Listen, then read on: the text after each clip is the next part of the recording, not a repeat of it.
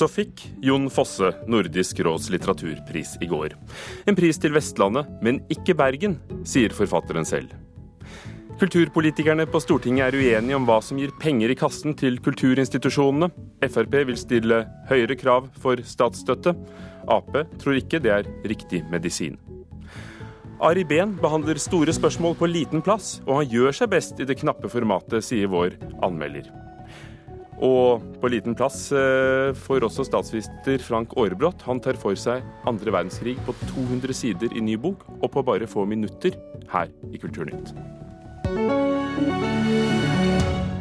Med Ugo Fermariello i Nyhetsmorgen i NRK P2.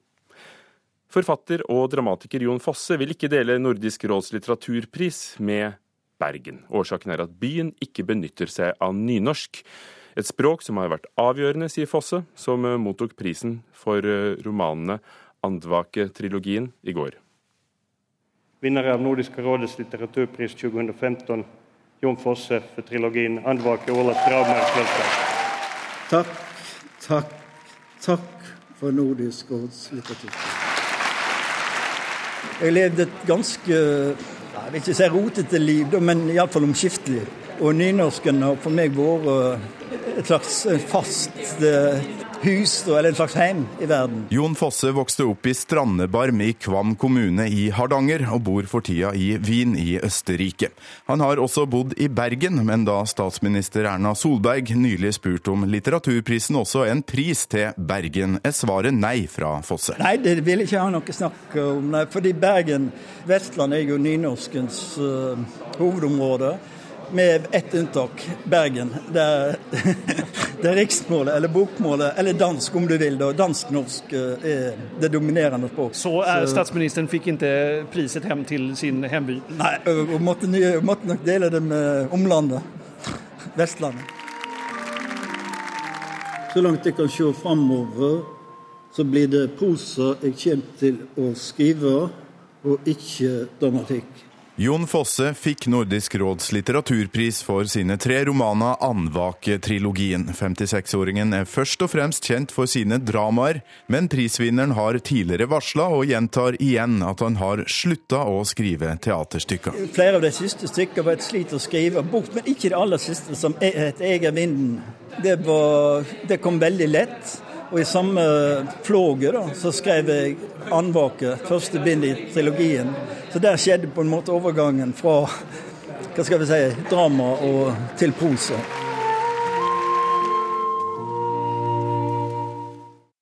Og reportere var Torkel Thorsvik og Jens Møller fra Sveriges Radio. Den eh, svenske komponisten og cellisten Svante Henrysson fikk Nordisk råds musikkpris i går kveld. Og filmprisen gikk til den islandske filmen Fusi, som juryen mener tegner et verdig portrett av en godlynt kjempe og leverer treffsikre skildringer av kvinnene rundt ham. Og vi kommer tilbake til litteraturprisen litt senere her i Kulturnytt. Museer, teater, orkestre og andre kulturinstitusjoner lager utstillinger, forestillinger og konserter, som regel i Norge med høy offentlig støtte. Nå må de tjene mer penger selv, mener tidligere direktør for Kunstmuseet i Bergen, Erlend Høyersten, og foreslo kutt i statsstøtten. Det var stoff for debatt og krangel, og en av debattantene er direktøren for Nasjonalmuseet, Audun Eckhoff. Eh, det ville jo være helt, eh, helt, rart om man skulle kutte av nærmest eh, ideologiske grunner for å få til en kreativitet. Bakteppet for denne debatten var tall for fjoråret som viste store forskjeller på hvor stor del av inntektene kulturinstitusjonene klarte å skaffe selv. Nasjonalmuseet sto for eksempel for 5% av inntektene selv, resten er statsstøtte. Fra sin nye jobb i Århus, tidligere var han direktør for Kunstmuseet i Bergen, tok Erlend Høiersten til orde for drastiske kutt for å skape ny utvikling. Istedenfor å skjære litt og skjære litt og skjære litt, så bør man ha noen grep for å komme i riktig retning. Det Erlend Høiersten kalte grep, var å fjerne deler av statsstøtten, slik at kulturinstitusjonene ble tvunget til å tenke nytt. Når man har flere aktører inne så kan man skape eh, på en helt annen måte. Sistemann på ballen i debatten var direktør for Nordnorsk kunstmuseum, Knut Gjøgodt. Jeg vil at vi skal se på hva får samfunnet igjen for de pengene man putter inn, fremfor å begynne å snakke om kutt. Og da er det mye mer spennende å snakke om incitamenter eller belønning for det vi gjør. Sa Knut Gjøgodt ved Nordnorsk kunstmuseum, direktør der her i Kulturnytt eh, tidligere denne uken. Reporter Tone Staude. Ib Thomsen, kulturpolitisk talsmann for Fremskrittspartiet. Hvordan vil du si at eh, statsstøtten fungerer i dag? Nei, de fleste som mottar mye støtte er jo ofte veldig fornøyd. Nå er jo dette en deling som ofte går mellom staten, fylkeskommunen, og, og at da man kan forvente at det er noe egeninntekt både på museene, orkestrene og ikke minst operaen og Nationaltheatret. Så, så, dette er en diskusjon vi må ha. Hvilken måte skal vi finansiere dette framover? Og hva mener du, blir de late av å få for mye støtte og ikke måtte tjene nok selv? Nei, jeg sier jo ikke at de blir late, men om man sier at de kan øke med noen prosenter Vi ser jo hvilket sprut det har kommet inn i Munch-museet nå, når de har endelig vedtatt at de skal bygge nytt. Og da begynner man å være kreativ og tenke annerledes. Ja, kanskje vi skal lage utstilling for publikum, som igjen da genererer mer egeninntekt. Så, vil du stille krav? Ja, det vil jeg. Anette Trettebergstuen sitter også i kulturkomiteen på Stortinget for Arbeiderpartiet. Er det slike konkrete krav til egeninntjening som skal til for å få mer sprut, som Ib Thomsen kalte det? Nei, det, det, tror jeg ingenting på. Eh, no, verken Norge eller kulturlivet er skapt for FrPs eh, markedstenkning. Det koster å, å drive eh, tjenester vi liker å holde oss med her i landet. Kulturen også. Jeg opplever at Eh, de fleste institusjonene jobber hardt og godt nettopp med å, å øke eh, egeninntektene sine. Eh, jeg vil si at veldig mange av de jeg møter, jobber så mye med, med, det, å skaffe seg inntekter ved siden av statsstøtten, at det er på grensen til å gå utover det kjerneopp, kjerneoppgavene de skal drive med, altså formidling av, av, kunst og kultur. Jeg tror ikke dette er enten-eller. Vi trenger, vi trenger private bidrag, egeninntekter, men skal man ha et yrende kulturliv. Eh, liv i museene, i orkestrene, en kulturskole for alle. Kultur tilgjengelig der folk bor over hele landet. Ja, så er staten nødt til å stille opp. Denne debatten kommer jo fordi at vi har en regjering som eh, nå fører til reelle kutt i de fleste institusjonene. Men det kommer jo også fordi en direktør fra Kunstmuseet ja. i Bergen sa at vet du hva, det er ikke så dumt. fordi da, da får man et krav på seg til å ta seg sammen og, og skaffe mer inntekter. Ja, Fordi at regjeringen ikke, ikke, øker inntektene til institusjonene. Eh, en gang med pris- og lønnsveksten så betyr det reelle kutt i de fleste institusjonene. Det går utover muligheten til å produsere eh, kunst og kultur eh, over hele landet. Og da, og da, kommer denne debatten. og Jeg mener at det er en illusjon å tro at det å, å stenge en pengekrana fra staten betyr at man får noe bedre kvalitet på, på kunsten og kulturen. Tvert imot. Ja, Kan man ikke gjøre begge deler? Altså Man bevilger disse pengene fra staten, fylkeskommunen, og så sier man at vi ønsker faktisk at dere skal lage utstillinger, ønsker at dere skal lage konserter, eller hva man holder på med innen kulturen, er å øke da et interesse hos publikum, som igjen da genererer mer penger. Det kan ikke bety sånn at museer som ikke mottar offentlig støtte, ikke er kreative, eller at de som klarer å skaffe egeninntekt på 40-50% ikke er kreative. Men hvordan altså, tenker du det er krav?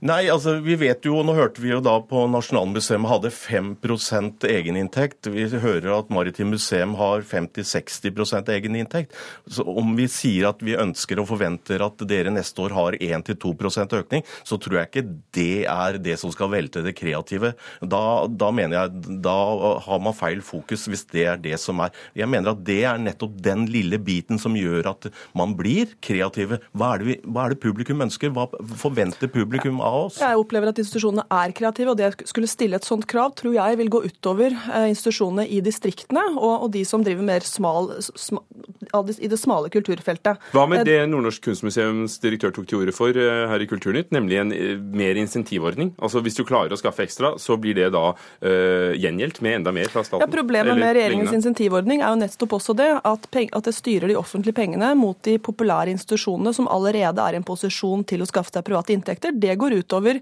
bredden og mangfoldet f.eks. ute i distriktene, og det er ikke Arbeiderpartiets kulturpolitikk. Jeg tror at det kan passe inn over hele landet. Altså Jeg ser jo at publikumsgrunnlaget er jo større i Oslo enn det er i Finnmark. Men samtidig, hvis man har den lille gulroten Hvis du eller museet skaper eh, større egeninntekter, så får man også mer fra fylkeskommunen eh, og staten. Altså en tredeling. Og det gjør at man blir kreative, mener jeg. Og spesielt når man ser at folk som har eh, jobbet innenfor kulturen og, og museene i mange år, nå flytter til Danmark og, og ser hvordan det fungerer i Europa. Altså Det er jo bare for det norske norske museum og kulturlivet å ta en studietur. Vi... til... Er det et godt eksempel for oss til etterfølgelse? Nei, det er store forskjeller mellom Danmark og Norge eh, som gjør at dette ikke er mulig å overføre til den norske kultursektoren.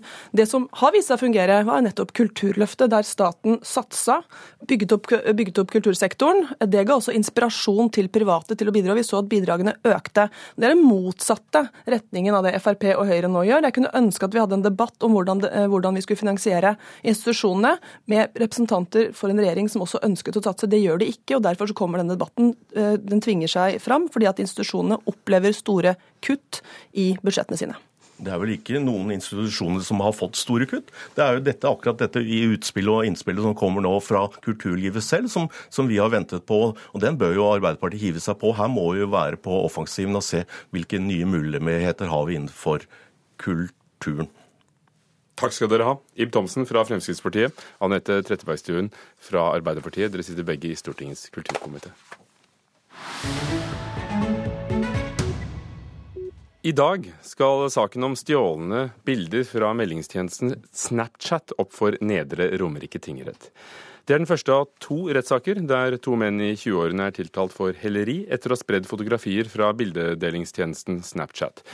Det er første gang Kripos går til sak mot personer som har spredd bilder, også intime bilder, på nett, sier politiadvokat Eirik Tønnes Hansen i Kripos.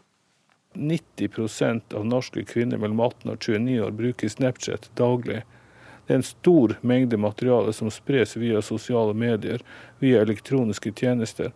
Og en lekkasje, datainnbrudd, urettmessig spredning har personvernkonsekvenser. Bakgrunnen for saken var en stor lekkasje av titusenvis av bilder og filmer fra mobilappen Snapsaved sine servere. En tjeneste som nå er nedlagt, men som lot brukerne lagre bilder fra Snapchat uten at de som hadde tatt bildene, fikk vite om det. Bildene ble raskt spredd i fjor høst, annet av to norske menn i 20-årene som nå er tiltalt for helleri og risikerer tre år i fengsel. Og den siktedes forsvarer ønsker ikke å gi kommentarer før rettssaken starter. Saken mot den andre tiltalte skal opp i Oslo tingrett i november. Reporter Petter Sommer. Klokken er passert kvart over åtte. Du hører på Kulturnytt i Nyhetsmorgen i NRK. Overskrifter i dag. Norges største selskap sliter. Statoil-resultatet for tredje kvartal er nesten halvert i forhold til i fjor. Halvparten av barn i fosterhjem har psykiske lidelser. Sverige skal holde adressene til asylmottak hemmelige for å hindre flere branner. Og Stavanger bibliotek er først ut i Norge med utlån av noveller på tekstmeldinger. Og vi fortsetter her med en gang med litteratur, for endelig, vil mange si, har Jon Fosse fått Nordisk råds litteraturpris. NRKs litteraturkritiker Marta Norheim, hva var din reaksjon? Nei, jeg syns det var veldig hyggelig. Han var jo en av favorittene i år.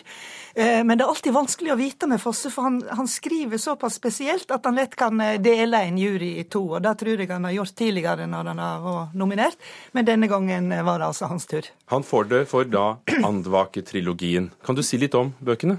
Ja, altså dette handler jo om et svært ungt par som uh, kommer til Bjørgvin. Vi skjønner vi er i gamle dager, litt sånn diffuse gamle dager.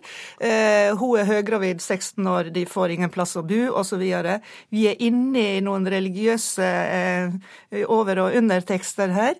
det går over til en, nesten en slags krimsak.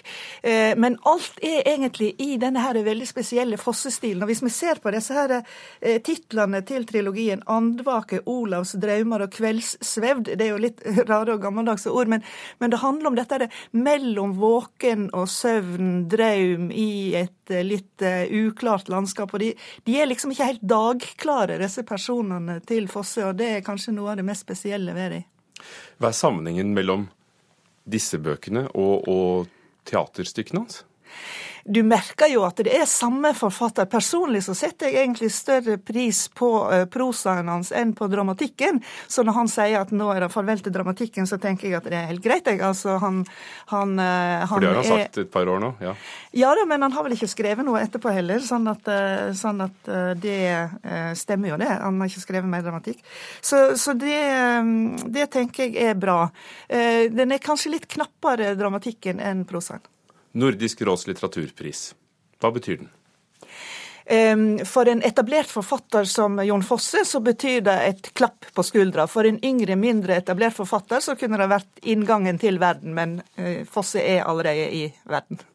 Marta Norheim, det var Jon Fosse og Nordisk råds litteraturpris. Jeg nevner at det blir mer om, eh, om litteraturprisen i Kulturhuset klokken ett i P2. Nå skal vi snakke om Ari Behn. Han dyrker novelleformatet også i sin nyeste bok. Jeg fyller bensin på bilen og har ingen mulighet til å skjule meg i det hvite lyset. Jeg bretter opp jakkekragen, drar topplua ned øynene enda det er mai og varmt i været. Her leste forfatteren selv. 'Tiger i hagen' heter hans nyeste bok. Til sammen har eh, Ari Behn nå gitt ut tre romaner og tre samlinger av fortellinger siden debuten for litt over 15 år siden. Marta Norheim, midt i bokhøsten har vi valgt oss denne. Hvorfor? Nei, eh, den velger jo nesten seg sjøl fordi at eh, det er mye rundt. Eh, så, så, han er etterspurt, kanskje ikke bare pga. det at han skriver gode bøker. Heldigvis så er han en god forfatter, så derfor så, så står jeg her for så vidt med freidig mot. Han er også best som forfatter av knappe fortellinger. Han har skrevet noen romaner. Den første syns jeg var spennende, de andre var virkelig ikke gode. Men, men som forfatter av fortellinger syns jeg han har mye å fare med. Og hva skriver han om? Hva, hva, han skriver om? Ja, I disse ja, fortellingene? Ja, ja, dette er jo elleve små fortellinger, og med vekt på små. Eh, og det handler jo om de vanskelige tingene i livet. Da å, da å Altså balansen mellom eh, fridom og, og, og, det å stå i forhold til eh, noen andre. Det å eh, forholde seg til døden. Eh, det å ja, konfronterer seg med de vanskelige tingene i livet. Det, det er egentlig en ganske, ganske mørk eh, eh novellesamling eller samling med fortellinger, dette her, med, med sånn vekt på de litt sånn kjelkete, ugreie tingene. Konflikter, også politiske konflikter. Er f.eks. både i Afghanistan og i Timbuktu. og og går inn i store konfliktområder da, på, på denne veldig knappe måten. Noen ganger kommer han innom det selvbiografiske. Er det bra? Nei. Eh, noen forfattere blir jo på sitt beste når de skriver sjølbiografisk. Han er ikke blant dem. Jeg tror det er litt fordi at han har en agenda, altså at han skal forklare seg eller forsvare seg eller angripe de han syns ikke er noe greie, f.eks. media. Eh, og, og, og, da blir tekstene litt sånn programmatiske, så jeg syns ikke han er interessant som sjølbiografisk forfatter. Men, eh, men, han er bedre når det er en distanse mellom forfatteren og teksten. Når er han på sitt beste i 'Tiger i hagen'? Iallfall ikke i tittelhistorien. Eh, han er nok på sitt beste når han går eh, mer inn i eh, konfliktområder som er større enn han sjøl. F.eks. I, i, i noveller som 'Stein og skygge' og, og 'Spor i sanden', der han prøver liksom å forsone noen store motsetninger i verden på et nokså individuelt nivå. Og, og da, det, da skjer det noen ting. Marta Norheim, du skulle sikkert gjerne sagt mer, men det får du ikke her i Kulturnytt. Derimot kan vi lese din anmeldelse av Ari Behns 'Tiger i hagen' på nrk.no bok. Vi holder oss i litteraturen. Stavanger bibliotek blir først i landet med å tilby utlån av SMS-noveller og Simon Stranger, som for øvrig også var nominert til Nordisk råds litteraturpris, blir Norges første SMS-novelleforfatter til utlåns. Biblioteket har inngått en avtale med et dansk forlag, og tolv titler blir tilgjengelig på norsk fra midten av november. Dag én klokken ti. Jeg har ventet på dette. At jeg skulle se ned på den lysende skjermen og la tommelen skli over glasset som et blindt dyr på leting etter mat, trygghet, lys Forfatter Simon Stranger leser opp den første tekstmeldingen i en ny SMS-novelle han har skrevet. Jeg har forsøkt å se for meg øyeblikket når tekstmeldingen åpner seg, folder seg ut, slik at ordene endelig lyser mot deg, inn i deg. Novellen er spesialskrevet for SMS-formatet og består av ti tekstmeldinger. Den handler om um, hvilke mulige fremtidige jeg vi kan bli. Så man får da tekstmeldinger av et, en av mange mulige versjoner av seg selv fra fremtiden. Om kort tid kan Strangers novelle lastes ned og kjøpes fra det danske forlaget SMS Press, som er alene om å satse på dette formatet. En typisk utgivelse varer i to til tre dager og består av mellom tre og ti meldinger per dag, alt etter hva forfatteren har bestemt. Noen får det på kvelden, noen får det på dagen, du vet ikke når de kommer. Så det er en sånn overraskende leseropplevelse. Målgruppen er de som bruker mobiltelefonen i det daglige, og som har lyst til å få litt kulturell input på nye måter. Det sier prosjektleder ved Stavanger bibliotek, Siri Oddfjell Risdal. Biblioteket har inngått en ettårig lisensavtale med danskene, og blir først i Norge med å tilby gratis utlån av SMS-noveller, med oppstart om ca. to uker. Jeg syns det er viktig at et moderne bibliotek må være en digital kunnskapsressurs, og at vi gir tilgang til kunnskap og kultur som en ellers ville måtte betale for, uavhengig av format. Og så er det klart at vi har lyst til å utvide tilbudet til de lånerne vi allerede har, men så har vi jo òg lyst til å nå nye lånere. Og det kan vi jo kanskje gjøre da med å prøve ut nye plattformer. Melding nummer tre, dag to klokken 14.30. Antagelig lurer du på hvem jeg er. Foreløpig er Simon Stranger eneste norske forfatter som er med, men det jobbes med å få med flere. Og for bibliotekets lånere blir tolv titler tilgjengelig på norsk i første omgang, sier Oddfjell Risdal. Annen litteratur velger du jo selv hvor tid du vil ta fram og lese, mens SMS-novellen eh, vipper deg inn i sitt univers med et lite pling akkurat når det passer den. Jeg fikk litt kick av det selv, faktisk, å få disse meldingene. Helt plutselig ikke ane når de kom fra, bare kjenner at det dirrer i lomma, så tar jeg opp, og så er det ikke en melding fra en venn eller noe, men en novelle. Sier Simon Stranger, ikke minst kjent for kritikerroste ungdomsromaner. Men denne gangen har han altså skrevet en SMS-novelle for voksne. Kanskje litt farlig å si, men jeg tenker at det er jo litt for spesielt interesserte. På den annen side så syns jeg at det er, et godt tilskudd til annen type litteratur. Da. Nytt og sånn friskt pust. Men ikke alle er like begeistra. Forfatter Tore Renberg takka nei til å skrive SMS-novelle for biblioteket i Stavanger, og sier på sin Facebook-side at han heller vil skrive det han kaller ordentlig litteratur. Stranger ser det annerledes. Dette er ordentlig litteratur. Det er klart det er det. Det kommer an på hva man gjør med det. Eh, det er jo bare en plattform. Så velger man hva man gjør ut ifra det. Jeg er jo glad i eksperimenter i litteraturen. Om så SMS-novellene vil få flere til å lese, og om det vil være en slags døråpner inn til den øvrige litteraturen, er Simon Stranger usikker på. Nei. Jo. Nei, jo. Men jeg tenker at, at det, kan være, det, kan være, nok i seg selv om noen har en fin opplevelse med det, uten at de går og låner forbrytelse og straff etterpå. Simon Stranger, forfatter til reporter Anette Johansen Espeland om SMS-novellene på biblioteket i Stavanger. Mange var uforberedt på krigen i Norge 9.4.1940. Spørsmålet er ikke om de kunne vært mer forberedt, men om de i det hele tatt burde ha visst. Frank Aarebrot, professor i sammenlignende politikk, og nå forfatter av en ny bok om krigen på 200 sider, Norge under andre verdenskrig. Hvorfor stiller du dette spørsmålet? Burde de ha visst? Var det så enkelt at vi kan si at de var ikke forberedt nok? Ja, det, det, ble for enkelt. og Jeg prøver jo å illustrere det f.eks. med denne historien om Nordahl Grieg i tannlegestolen på 9. april, som er i en situasjon der han, der han er en av de som handler. Seod Hambro en annen. Det er noen som handler med en gang tyskerne kommer inn. Men de har noe til felles. De har gjerne en krigserfaring. De har vært med i Spania. I, de har vært med i Finland under vinterkrigen. Altså folk som hadde erfart disse krigene før Norge ble okkupert de kommer til Norge og, blir, og reagerer med en gang. Altså folk som Lola Grieg, som har erfaring fra Spania, Max Manus, som har erfaring fra Finland. Disse folkene blir helter fordi at de nettopp er forberedt. Men de som bare levde i Norge og hadde et vanlig liv og ikke hadde en spesiell forbindelse, sånn som uh, Hambros jødiske forfedre, som gjorde dem oppmerksom på nazismen, de var på en helt annen måte uforberedt.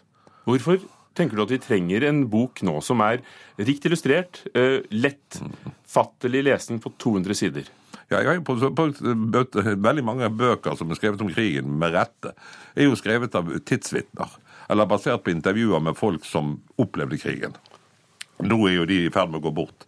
Så dette er vel en av de første bøkene som ikke er skrevet av et tidsvitne, men det er skrevet av et etterkrigsmenneske som meg, som har levd med ettervirkningen av krigen hele mitt liv.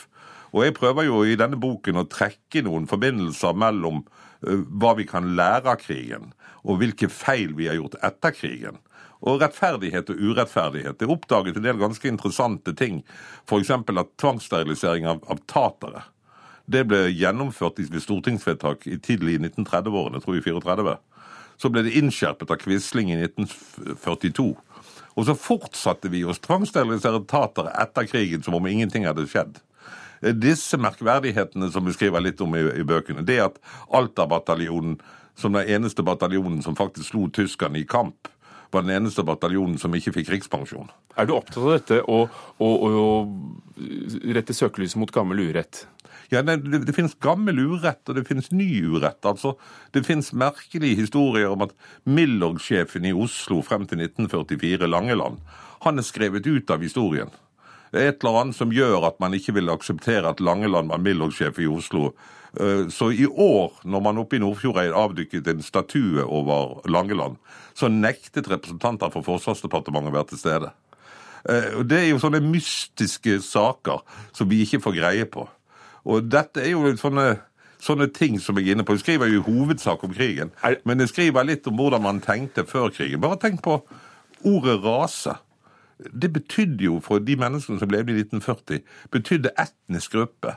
Alle snakket om rase, ikke bare nazistene. Ja, for Du er opptatt av det at vi skal ta på oss noen briller fra, fra den gangen for å forstå. Men er det dette du som statsviter, professor i, i politikk, tar med deg inn, uh, siden du er fri fra historikerens tenkemåte? Ja, du kan si at min min tilnærming, og de fleste statsvitere min tradisjonstilnærming, er jo det at vi prøver å drive med såkalt prospektiv historie. Altså Vi prøver så godt vi kan å sette oss inn i en tidsmaskin, reise tilbake og forsøke å forstå hvilken informasjon menneskene hadde i handlingsøyeblikket. Altså Undersøkelseskommisjoner og granskingskommisjoner det er jo alltid etterpåklokskap. Eh, men det, vi må prøve ikke å frigjøre oss fra etterpåklokskapen når vi skal, når vi skal vurdere fortidens mennesker. Frank Aarebrot, vet du hva? Det var det vi rakk om krigen på få minutter. Men du har klart å skrive om den på 200 sider i den nye boken. Ja. Takk for at du kom til Kulturnytt, som i dag var ved produsent Thomas Alvarstein Ove. Dette er Nyhetsmorgen i NRK. Straks Dagsnytt, så fortsetter vi frem til klokken ni.